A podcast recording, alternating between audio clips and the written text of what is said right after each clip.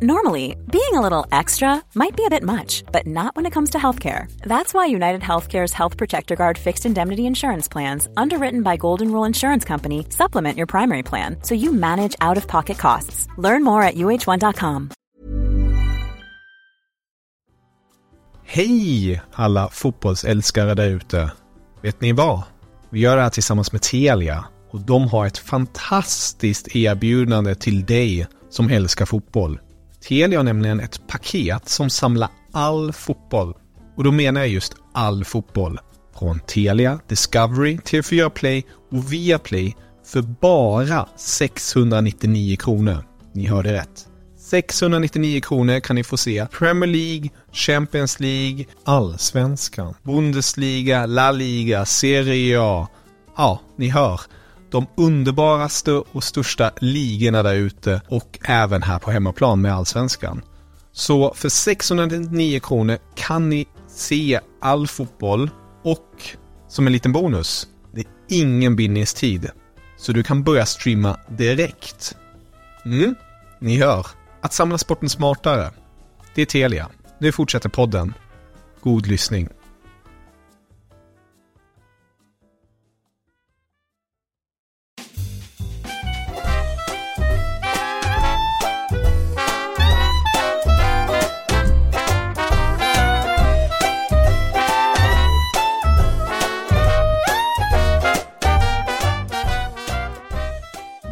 Sitter vi, eller rättare sagt jag står. Du sitter. Står du upp? Ja. Jag ser ju liksom, vi spelar in på distans, jag lyssnare, så enda jag ser av Kevin, det är liksom från hans bröstkorg och uppåt. Nu ser jag mer än så, men jag vill inte se mer än så. Men nu ser jag att du står upp i alla fall. Okej, okay, det är bra. Ja, jag, jag har till och med en sån där, du vet, sån ergonomisk matta som jag står på, så det är lite mjukt. Jaha. Ergo, ja. Finns det alltså ergonomiska mattor? Heter wow. inte så? Jag vet inte. Vi lever i framtiden, Kevin. Heter det inte så? Ergonomisk matta? Jo, jo, säkert. säkert. Ja. Du vet så här, lite skummig. Eh, ja. så, som om du hade skor på dig, men ja, det har jag, jag inte. Eh, jag förstår. Mm. Jag förstår. Eh, vad roligt. Eh, ja. Det är framförallt kul att eh, vi ska prata om det här ämnet idag, eftersom att du är yngre än vad jag är. Så jag tänker att du har lite hemmaplan här. så mycket yngre är jag väl inte? Eller, ja, men vi, vi säger ju det varje gång och sen kommer vi på att det är typ åtta år yngre. När är du född? 92. Ja, det är sex år yngre. Sex år. Ja, det, det är ändå... Det är en, alltså nu är det kanske inte sån skillnad på det sättet, men när, när du var 18 då var jag 12. Nej, det är ju obehagligt. Ja, så det, det, där känner man ju tydligare. Eller när, när du var 12, då var jag 6. Ja, också obehagligt. Ja, eller när jag var 0, då var du 6 år. Också en stor skillnad. Ja, fast du får tänka på att jag är född väldigt sent på året, så jag var antagligen fem när du var ja, ja, men jag är också sen. Jag är också den här höstdelen. Ja, men det, det är ju tidigt jämfört med en sån som jag. vet du. jag förstår. Ja, nej, vi ska inte prata om födelsedagar eller... Topp fem födelsedagar. det är väl rent fotbollsmässigt den 5 februari då som vinner. Eller med, med Carlos Tevez, Neymar och Cristiano Ronaldo. Det här är ju ett ämne. Kul. Mm. Um, alltså ja. som bakom på rak arm. Annars tar jag självklart 11 september med Fransa Kajsa Beckenbauer är ju helig. Det är ett datum av andra anledningar. Um, men nu frös min hjärna här Kevin, därför klippa bort. Eller inte. Vad var jag skulle säga? Jag kommer inte ihåg vad jag skulle säga. Födelsedagar? Men kära lyssnare, jag vet att vi gör det här i varje avsnitt och det, jag, jag ber nästan om ursäkt. Jag vet att Kevin och jag fortfarande tycker det är roligt, men om ni inte tycker det är roligt så kan ni höra av er till kevin.bader.tv4.se. För, för det här skämtet måste bli uttjatat nu, att så fort vi kommer på någonting annat så säger vi så här, åh, topp fem födelsedagar, åh, topp fem maträtter, åh, topp fem eh, skostorlekar, åh, topp fem Ja, du fattar. Vi, ja. Men du och jag tycker fortfarande att det är kul som två jävla idioter. Liksom. Men, det, det, det är ju som tur är att vi gör den här podden då. Alltså att det blir, eh, att vi gör det genuint, bokstavligen. Ja, ja. um, men ja, jag håller med dig. Men det, det, är också bara för att när vi redigerar den här podden ska man komma ihåg just det här och sen kan man skriva ner det i sitt fina Excel-lista. Eh, så, Exakt. Mm, så, så är det. Men vi ska prata om något så fint som topp 5 U21-spelare 2024. Ja. Så det är ju lite så här, det är ju en begränsad upplaga, enkelt sagt. Vi kan inte ta igenom tiderna, men kan man, säga. kan man bokstavligen säga. Men det är ju mest på grund av att man, man vill på något vis ta en temperatur och känna efter och tycka till lite, eller hur? För det finns så Mm. många. Ja, nej, men det finns så många. Och eh, jag tycker det ska bli intressant att höra hur du har resonerat här Kevin. För det finns ju lite olika parametrar kring liksom, topp 5 u spelare Dels det åldersmässiga. Mm. Jag har ju inte tagit en enda spelare som blir 22 år i år. Alltså som är 21 nu men som blir 22 år sen. Alla de har jag strukit. Det har jag faktiskt också gjort utan att tänka på det. Men det har jag också gjort. Ja, men det är bra. Man, I år får man liksom max vara 21 år gammal. Den, Mm. den kör vi. Okej, bra. Och sen är det då det här med kvalitet just nu, Mm. vilket jag främst har utgått ifrån. Mm. Men också måste man ju väva in liksom potential för i alla fall det här året. För det är ju topp 5 U21-spelare 2024. Det här är de vi ska se, Exakt. inte bara de som är bäst nu, utan de som liksom kan också bli bäst Mm. under det här året. Mm. Och den tredje saken är då, som jag har märkt att jag tog i beaktande, det var, jag gick inte in med det ingångsvärdet, men jag, jag märkte att jag, jag har tagit det i beaktande när jag har gjort det här. Och det är att de här liksom, potentialen hos en typ, eh, ska vi säga, Endrik i Palmeiras, som Mm. ju är klar för Real Madrid, han är 17 år gammal, han har ju kanske absolut högst potential av allihopa. Men kvalitetsmässigt just nu är han ju inte där än några vissa 20-åringar är, eller 21-åringar eller till och med 19-åringar. Så jag har liksom landat i att mina gubbar, de är typ 19, 20, 21. De här superduperlöftena som är 17 Mm. år, de är ju extremt bra och kan säkert bli mycket bättre än 20-åringarna jag har valt när de är 20 år. Men just nu tycker jag att hoppet från de 17-åriga till 20-åringarna är för stort.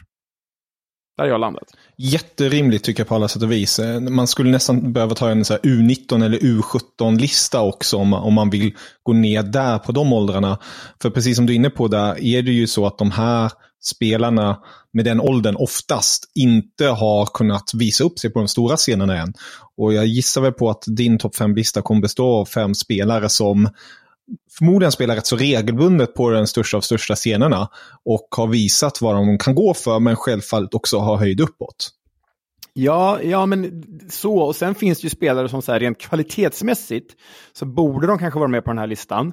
Men så har de liksom varit drabbade av skador och saknas av den anledningen och kommer göra så en del av det här året också. Därför faller det bort. Typ som en, jag kan avslöja nu, du kanske har någon på listan, men typ som Gavi i Barcelona. Han är 19 år, men varit skadad, bara stått för två mål och en assist hittills. Kommer ha mer skadeproblem det här året. Så han borde kanske varit med på topp 5, men är inte det på grund av skadorna för mig. Mm. Jag har inte med honom på listan just på grund av den anledningen, skadebenägenheten och, och att han har varit borta ett, ett tag nu och kommer vara borta ett tag. Ehm, så ja, nej. Det ska bli Mm. jätteroligt att, att se ehm, vilka fem du väljer. Kort fråga innan vi går in på det. Har du märkt någon tydlig trend? Alltså när vi pratar om osköna spelare, då, då vandrade jag längs den eh, två nationaliteter rätt så ofta. Just det, Eh, just vad- har, har du sett något liknande när du valt de här u spelarna Ehm, trenden jag har är väl att de alla är 19 till 21 år gamla. Mm. Ehm, att jag liksom, som sagt, jag är inte nere på 16, 17, 18-åringar. Ehm, sen har jag väl, jag har liksom inte velat ta de fem uppenbara namnen. Och Mm. jag tycker att jag kan motivera det. Ja, det. Det blir väl två uppenbara namn i alla fall. Men jag tycker att jag kan motivera varför det inte blev de tre andra.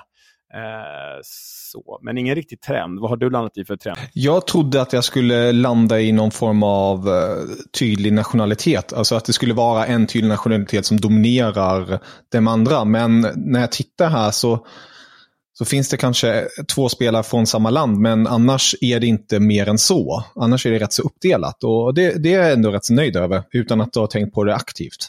Just det. Just det. Mm.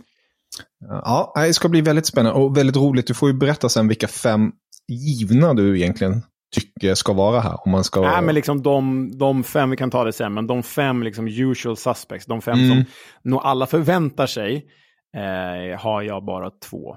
Precis. Ja, Mm. vi kan ta Ja. dem sen efter. Ja, Ja. vi tar dem sen.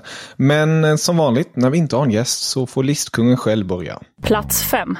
Ja, och jag börjar i Nederländerna fast med en belgisk spelare. För det är ju som så att, eh, lyssna på det här namnet förut, Saint-Cyr Johan Bakayoko har haft en hejdundrande genombrottssäsong här på den riktigt stora scenen. Visst, Han slog igenom för PSV Eindhoven förra säsongen, med, spelade 23 matcher i ligan, gjorde fem mål och sådär. Men det är verkligen den här säsongen som han har tagit det stora steget ut i både landslaget, belgiska landslaget går inte av för hackor, det vet vi, vet vi svenskar kanske allra mest.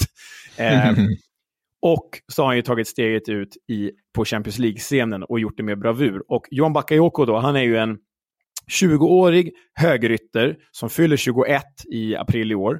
Eh, som i skrivande stund har stått för 6 mål och 13 målgivande passningar i detta PSV Eindhoven som varit helt ostoppbart i holländska ligan. Alltså det tog väl in i typ 22 omgången eller något sånt där innan de först ens tappade poäng i ligaspelet.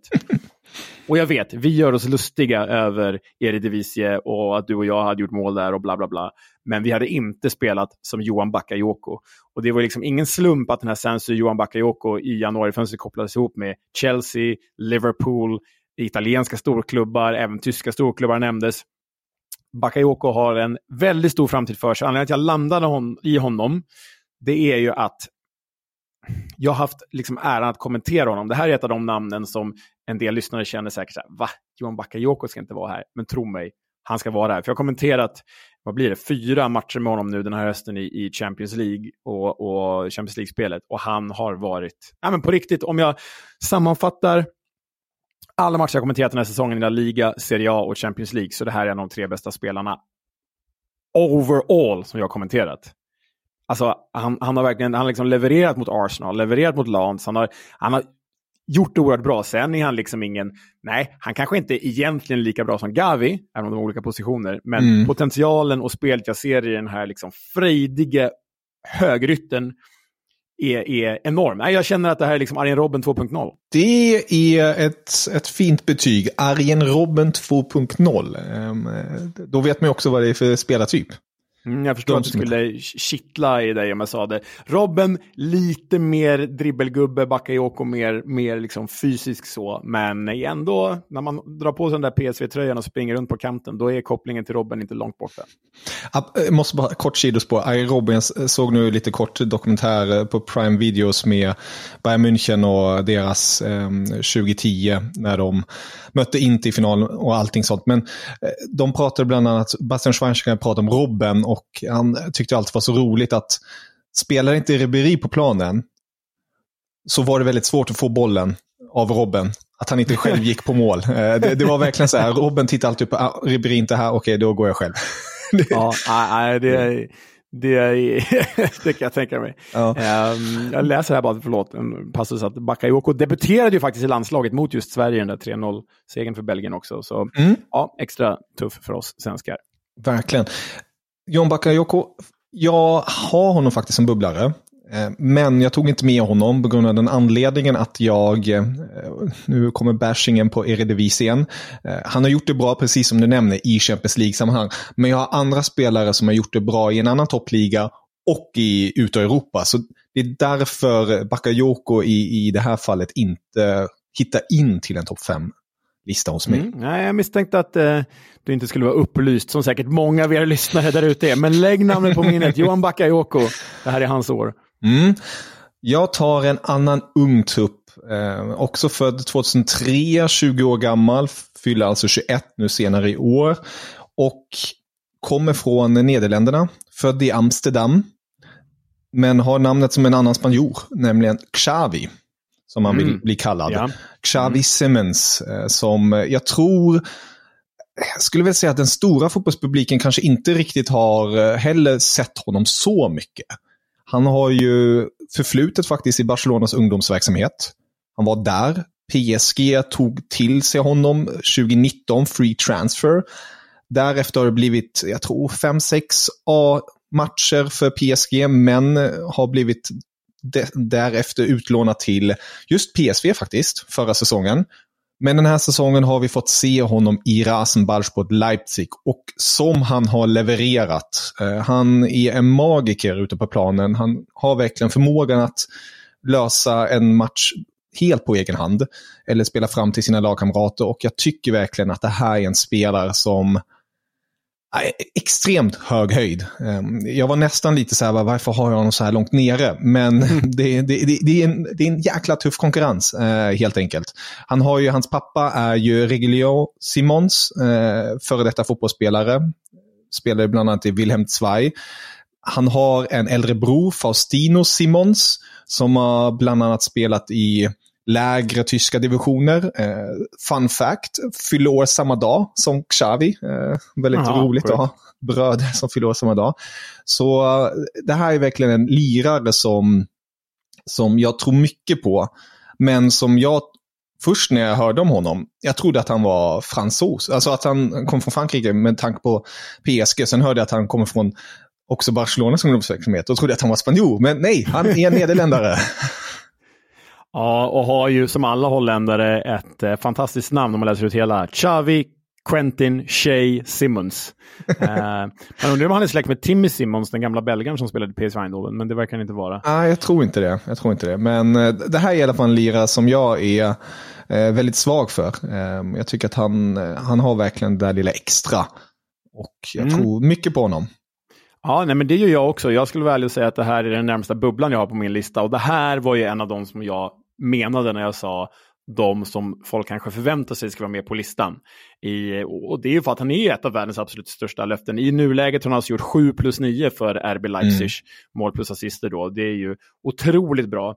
Eh, jag måste säga att jag blev förvånad när eh, PSG lånade ut honom. För mm. eh, givet hur de har liksom vågat satsa på Warren, kan inte prata, Warren Zaire Emery eh, så hade man kunnat förvänta sig att de också skulle satsa på Xavi Simons, men de valde att låna ut honom istället. Och så, nej, det här är ju det är såklart att det här är en storspelare vardande, vardande, redan 11 landskamper för Nederländerna, 20 år gammal. Eh, ja, han hade kanske kunnat komma in på min lista, men är väl precis utanför. Plats fyra. Nej, men då går vi till Savio i La Liga. Och då menar jag inte Savio Bortoloni, den gamla Real Madrid-vänsterspringaren, utan det här är ju en Girona-kantspringare som gjort stor succé i detta ack så lilla katalanska Girona. Och det har ju varit precis här i dagarna, när vi spelar in i alla fall, stor uppståndelse, uppståndelse kring honom. För han har ju alltså precis kritat på för moderskeppet Manchester City. Och det är ju så att eh, han har varit utlånad till Girona, som ju kämpar om eh, La Liga-titeln mot alla odds, från Troyes, som eh, köpte honom, deras dyraste rekordvärvning någonsin. Men han har inte gjort någon match för dem någonsin, utan någonsin. Dyraste rekordvärvningen i jag lånas ut till Girona, nu är han klar för Manchester City. Eh, och alla, det alla har gemensamt här, vilket jag förstås starkt vänder mig emot, det är ett multiklubbägarskap eh, där alla ingår i City Group. Så det handlar om att göda storklubben. Men ingen liksom, skam på Savio för det. Han har ju varit eh, en av de absolut bästa spelarna i La Liga överlag den här säsongen. Och då, då menar jag inte liksom U21-spelare i La Liga, utan i La Liga överlag. Punkt. Eh, om jag säger rätt nu så har han i eh, skrivande stund, eller i talande stund, stått för mest assist i eh, hela La Liga den här säsongen. Jäklar. Eh, och det är ju, ja, det har han. Han och Tony Kroos, sju var. Eh, och på det kan han lägga till då... Tony. kan lägga till då sju mål. Så den här Savio är ju en veritabel succé, en fröjd för ögat, bara 19 år gammal, blir 20 år i april. Och eh, jag såg liksom en analys, om det jag vet inte var Squawka eller om det var eh, Opta, men som vår kära kollega Ola Lidmark Eriksson från Fotbollslabbet eh, skrev under på att eh, Savio har ju motsvarande Spider, alltså så spindeldiagram, som Jeremy Doky har i Manchester City. De ser likadana mm. ut. Eh, så Manchester City kommer nästa säsong kunna ställa upp med två yttrar som är två av världens mest lovande spelare och som har liksom sjuka, sjuka spider-stats. Så Savio in på min fjärdeplats. Savio Moreira de Oliveira. Mm, det är häfta, häftigt namn på alla sätt och vis. Ja, eh, Brasse, härlig. Um, tänkte också på honom, um, men han är heller inte på min lista. Men jag har inte följt honom lika bra som du. Jag, jag följer inte den spanska fotbollen lika lika energisk med tanke på att du då också kommenterar den, eh, som inte jag gör. Men eh, kul att höra, men jag hade helt ta missat. Jag visste ju att eh, Girona är ju under City Group, men jag hade glömt bort att, hur uttalar man det? Troyes? Troy? Trois. Trois. Jag hade sagt Troyes. Eh, Trois. Troyes är fel. det är bra. Um, ja, det är uh, ja, näringskedjan enkelt sagt. Mm. Bra namn, riktigt bra namn. Ska bli jäkligt spännande att följa honom också i, i Premier League, ändå om det är tråkigt hur han tar sig dit. Men eh, välförtjänt med tanke på prestationerna. Ja, uh, verkligen. Kan vi bara hoppas att Manchester City straffas av massa minuspoäng och de blir, åker ur serien. Men det har inte med Savio att göra, det är inte hans fel. Han får ju spela League One, det är härligt. Exakt. Jag eh, går till nästa yngling eh, och det här är den yngsta ynglingen som jag nämner idag och du har redan nämnt hans namn faktiskt. Det är Warren, Mr Warren. Warren mm. Sarri Emery, mm. PSG-spelaren, fransmannen den här gången, född 2006. Alltså han är född mars 2006. Ah, det är faktiskt helt sjukt. Han var bara ett par månader gammal när eh, Sommarmärken i Tyskland 2006 spelades. Alltså det är, det, det är så här blow my mind lite. Um, och han är nu på den allra största scenen. Och jag var lite fram tillbaka här. Det var mellan Xavi, alltså Xavi Simmons och um, Warren kallar jag honom för att jag är dålig på efternamn. Uh, de, dem emellan vem jag skulle ha på fjärde respektive femte plats. Men de insatserna jag sett i Champions League av Warren, alltså jag, det är, där är det verkligen den här eh, kom och hjälp mig lite. Det är otroligt mogen spelstil tycker jag på alla sätt och vis. Och han är så självklar och nej, imponeras enormt mycket. Och jag hade faktiskt inte alls bra koll på honom dessförinnan, eh, innan den här säsongen. Men nu, ja, nu är ju verkligen spotlighten på honom med tanke på vad han har presterat och är blotta 17 år gammal. Och det här är ju en diamant för PSG och de är ju säkert extra glada för att han är just fransman också med tanke på att de vill, de vill ha franska eh, unga lovande spelare, precis som om vi tar till exempel Bayern München, de vill ju helst ha tyska unga lovande spelare som sen spelar i respektive landslag och gör det bra där. Så det här är eh, wow, verkligen. Ja, men det är verkligen wow. Um, det här är väl tillsammans med Xavi Simons eh, också ett av de självklara namnen som jag lämnade utanför min lista. Så du kallar mig självklar hela tiden här? Nej, nej, men jag bara du tittar på the usual suspects. Men det här skriver jag verkligen under på tillsammans med Endrik 17 år gammal, så är väl det här världsfotbollens mest spännande spelare just nu. Alltså den med störst potential, som vi nu kommer nämna idag tillsammans med Henrik. Alltså att vara 17 år gammal, spela så mycket i PSG som man gör och då debutera i franska landslaget förra året och göra det med mål. Visst, i en 14-målsseger mot Gibraltar, men ändå, han gjorde det. Det är ju fantastiskt. Det här också helt bisarra namnet. Alltså, så här, Warren, fast han är fransman, och så, så Sair Emery. Och då undrar jag så här, varför har han ett så kolonialnamn? Alltså, Demokratiska republiken Kongo, eller Dr. Kongo som är kul att säga, de hette ju förut Zaire.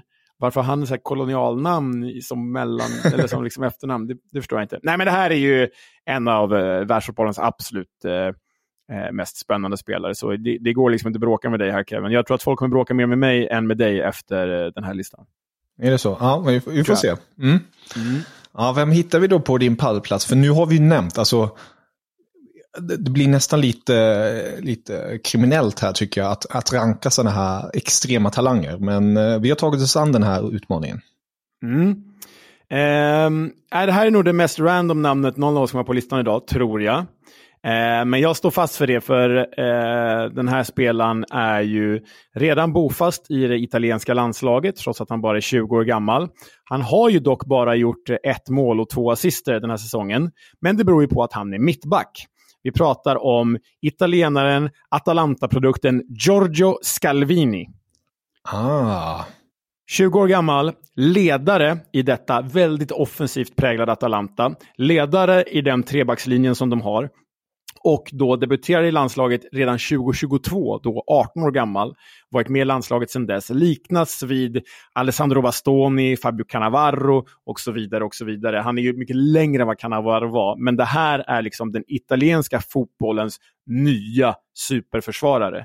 Och eh, jag blir väldigt förvånad om han stannar kvar i Atalanta över den här sommaren. Han bör inte bara gå till liksom Inter, Milan eller Juventus, utan den här killen ska ju spela i Manchester City, Real Madrid, så bra är han redan nu och eh, kommer bara bli bättre. Giorgio Scalvini, äh, kom ihåg det namnet, för det är, jag har kommenterat mycket Atalanta den här hösten och att vara liksom ledare i, en sån, i ett sånt offensivt lag i den typen av trebackslinje, äh, det är något alldeles extra. Han gör liksom inte bort sig oavsett motstånd heller. Och han debuterade i Serie A blott 17 år gammal. Man ska veta att liksom, italienska ligans defensiv. Den är så helig, så man brukar inte chansa med ungdomar där på samma sätt. Så nej, Giorgio Scalvini, tre.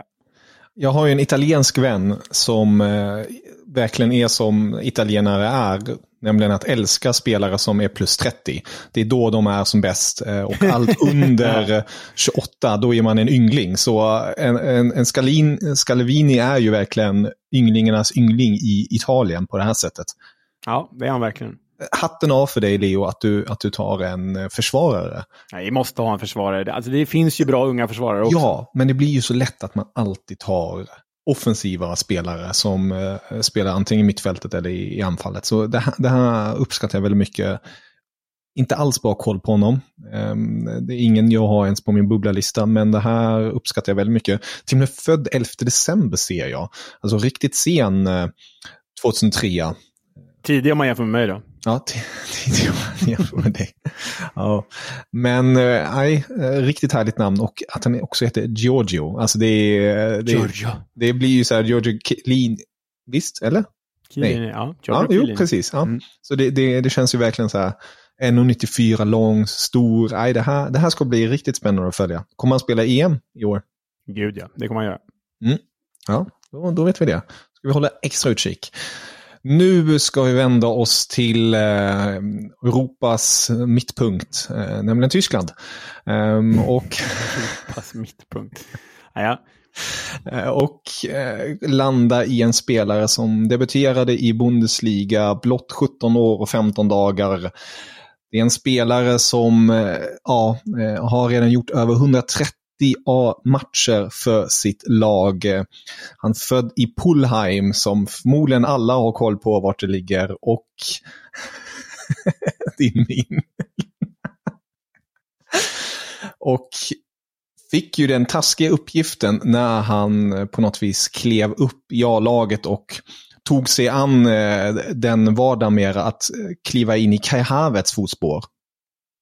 Och de flesta tänkte väl, okej, okay, det här blir spännande för att på något vis vara arvtagare till Kai Havertz eh, vid den tiden var inte det lättaste för han ansågs vara Tysklands största talang. Eh, och nu kan ju kanske många tycka det är skämtsamt eller så med tanke på att han inte har haft den bästa tiden i Premier League. Men i alla fall, det här är Florian Wirtz jag pratar om. Bayer Leverkusens diamant, Xabi Alonsos eh, magiker på planen och ja, det, det, de flesta känner självfallet igen honom och vet vem han är för att han har briljerat så länge redan på de största scenerna. Men han är ju fortfarande bara 20 år gammal, han fyller 21 senare i år. Och han är ju motorn i detta Bayer Leverkusen som stormar i detta nu mot en, en ligatitel och är ute i Europa. Och trots en jobbig korsbandsskada som han drog på sig för två år sedan kom, har han kommit tillbaka väldigt fort och bara levererat direkt och fortsatt precis där han slutade. Och det är, jag tycker det är så fruktansvärt kul att se honom spela. Han har förmågan att spela fram sina lagkamrater, se öppningar lite här och där och ja, det är en av Tysklands stora hopp till framtiden. Jag trodde ju att du skulle bli förbannad på mig när jag satte Florian Wirtz på andra plats istället för första plats. Mm. Men du har alltså honom på tredje plats. Jag Mm. är förvånad Kevin, men jag hakar väl i er som att han är på min andra plats, silverpengen här. Eh, Florian Ricard Wirtz. Mm. Eh, där vid Polheim hade jag missat, men det var en kul detalj. Eh, nej, men det som är så sjukt med honom är att han, har, han gör alltså sin fjärde ordinarie säsong i Leverkusen, även om han då haft en skada däremellan. 20 år gammal som du sagt, blir 21 år i år. Och det här är ju liksom inte bara en av världens bästa unga spelare. Precis som Savio, liksom en av La Ligas bästa spelare den här säsongen, så har ju Florian Wirtz varit en av Bundesligas bästa, absolut bästa spelare, alla kategorier, de två och ett halvt, tre senaste säsongerna. Tre senaste Mm. säsongerna, kan vi säga. Ja, definitivt. Ehm, han har i skrivande stund gjort åtta mål och 15 assister för Bayer Leverkusen. Det är ju, alltså, jag menar, det här är ju, de leder ju Bundesliga. Liksom. Mm. Det är inte att han spelar i Darmstadt, de leder Bundesliga. Och flest assist om man räknar till topp 5-ligorna i, i, i talande stund. Ja, nej, det är, ju, det är ju otroligt. Och det finns säkert några där hemma som skrattar åt Bundesliga. Men ni gör ju fel, för det är en jäkla Mm. toppliga. Ehm, så Florian Wirtz är given tvåa för mig. Mm. Kul att vi har någon samma. Det här var ju också en då som jag tänkte att det här var liksom någon som folk förväntade sig skulle komma med på listan. Ja, det betyder ju då att jag gissar på att du inte har honom med här då. Eh, Och kanske blir förvånad att jag tar honom högre än Wirtz. Men jag tar eh, den Stuttgart-födde. Mm, nu vet jag vem det är. Ja, det, det slog snabbt där. Som hade chansen att kanske representera The Three Lions, som han också gjorde i U21-nivå, men eh, tack vare det tyska förbundets aktiva roll så valde Jamal Musiala det tyska landslaget och Bayern München också senare. Han, han var ju bland annat i Chelseas ungdomsverksamhet, dessförinnan Southampton. Och har ju verkligen eh, kommit in i Bayern München och gjort en så jävla stor uppgift, nämligen att på något sätt ersätta. För att han är ju den, om man nu vill kalla det så, den naturliga arvtagaren till den stora, stora Thomas Müller. Det har ju blivit så, enkelt sagt. Thomas Müller har ju nu det senaste året fått sitta med bänk. Han har ju kommit till åren men han kan fortfarande leverera. Men det är Jamal Musiala som är där på planen och levererar. Är ju självfallet inte samma spelartyp som Thomas Müller. Men anledningen varför jag tog Jamal Musiala före Florian Wirtz, trots att han kanske inte har gjort så stor påverkan i sitt respektive lag, är på grund av de här glimtarna som Musiala visar gång på gång ute på planen. Nu kanske folk eh, tycker att jag är helt galen, men jag tycker verkligen när han spelar på topp, alltså eh, når sin högsta nivå, så är det de här glimtarna som är lite Messi-aktiga. Hur han bokstavligen svävar igenom och spelar slalom med, med motståndarens eh, försvar och bokstavligen för bollen vad han nu än vill. Och han gör det på ett sånt elegant sätt. Och han kallas ju Bambi förut för att han var liten och tunn och sånt. Eh, och det såg ut som att han skulle gå sönder vilken sekund som helst. Men han har ju, Bambi har verkligen byggt på sig och är ju en, ett proffs ut i fingerspetsarna. Han har alltifrån en, en, eh, en, en coach när det kommer till mat, också en, en fystränare som tränar så nerverna så att han ska vara ännu snabbare med, med den eh, punkten helt enkelt. Så han är, han är verkligen ett dunderproffs, också för 2003. Eh, fyller dock tidigare än Florian Wirtz nu i, i februari. Men eh, det här är också en spelare som, precis som Wirtz, kommer dominera, tror jag, världsfotbollen de närmaste 5-10 åren. Det kommer han att göra. Eh, jag har faktiskt inte med honom på listan, för jag skulle göra tjänstefel om jag petade min etta eh, som jag antar är din etta också. Men, men Jamal Musiala är ju förstås en av, eh, också en av världsfotbollens mest spännande och största spelare. Anledningen till att jag inte tog med honom på topp fem här och kanske har honom först på åttonde plats. Han är oerhört... Åttonde? Ja. Åttonde? Ja, men jag har ju Xavi Simons före och jag har Warren Zaire före. Så jag har, ja, det blir åttonde plats. Alltså han, han har ju till och med avgjort en, en Bundesliga-säsong redan. Ja, ja, jo, jo, absolut. Men det jag kommer till Kevin, Ja. Det mm. är att, du får säga emot mig här, för det är ändå du om du vill, för det är du som har Bundesliga-hatten på. Men jag upplever att Musiala har stannat av lite i sin utveckling under Thomas Tuchel. Mm. Till viss del ja. Han har men jag skulle vilja säga att hela Bayern München har stannat av. Så är det, det absolut. Så det, det, är ett, ett mer kollektivt jobbig situation där han inte glänser på samma sätt som han gjort kanske säsongen innan.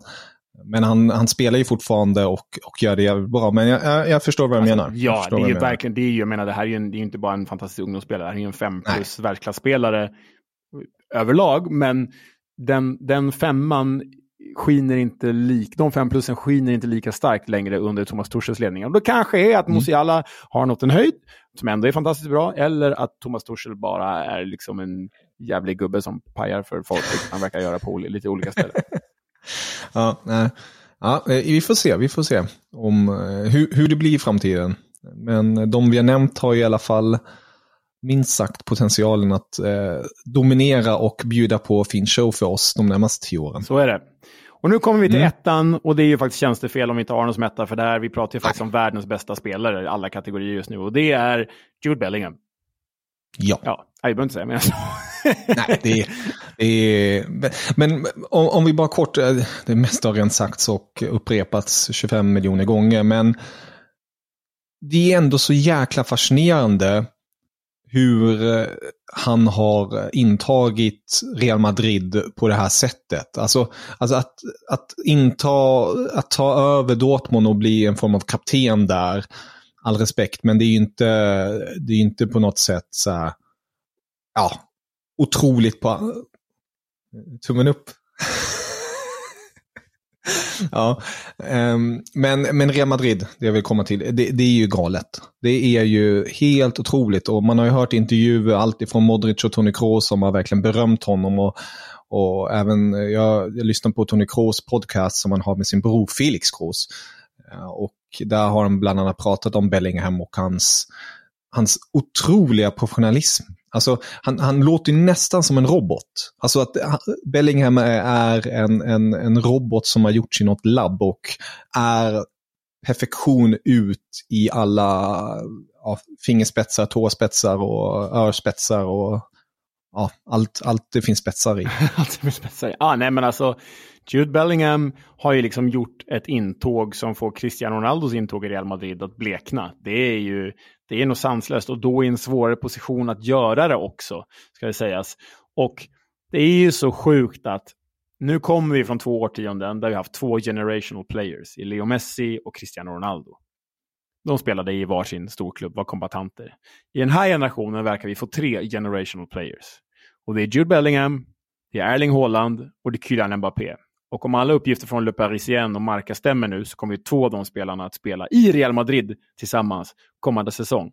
Men om man backar bandet så har ju faktiskt två av de här generational players spelat tillsammans redan i Dortmund, i Haaland och Bellingham. Och det är sjukt att Dortmund inte vann mer än vad de gjorde med de två vid sina fötter. Det borde de ha gjort. Men med det sagt, Jude Bellingham, alltså jag skulle lista honom som världens bästa spelare, en topp fem världens bästa spelare just nu, så det är klart att han är etta här också. Ja, definitivt alla kategorier. Ja, var vi lite roligt ändå att vi plockar lite olika eh, diamanter på den här listan. Okej, okay, men om eh, kan du få slänga ut ett namn som vi inte har nämnt än som folk ska hålla ögonen på? Vem, vem, vem ska de titta på då? Det, det kanske är rätt så självklart på ett sätt, men eh, vi har inte nämnt honom så mycket och det är Jamal från eh, Barcelona just nu. Mm. Som gör det jävligt bra. Mm, Lamin Jamal, 16 år i Barca. Jag slänger själv in Artur Vermeeren i Atletico Madrid från Royal Antwerpen. Eh, jag vill också passa på att nämna Mattias Solé, Juventus-lånet i Frosinone. Och sen, hur mycket du än hatar det Kevin, så är ju faktiskt Alejandro Garnacho ganska bra. Inga kommentarer.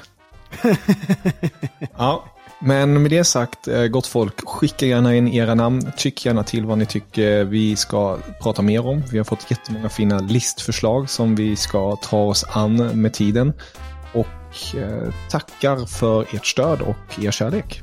Det gör vi. Tack, tack. Auf Wiedersehen.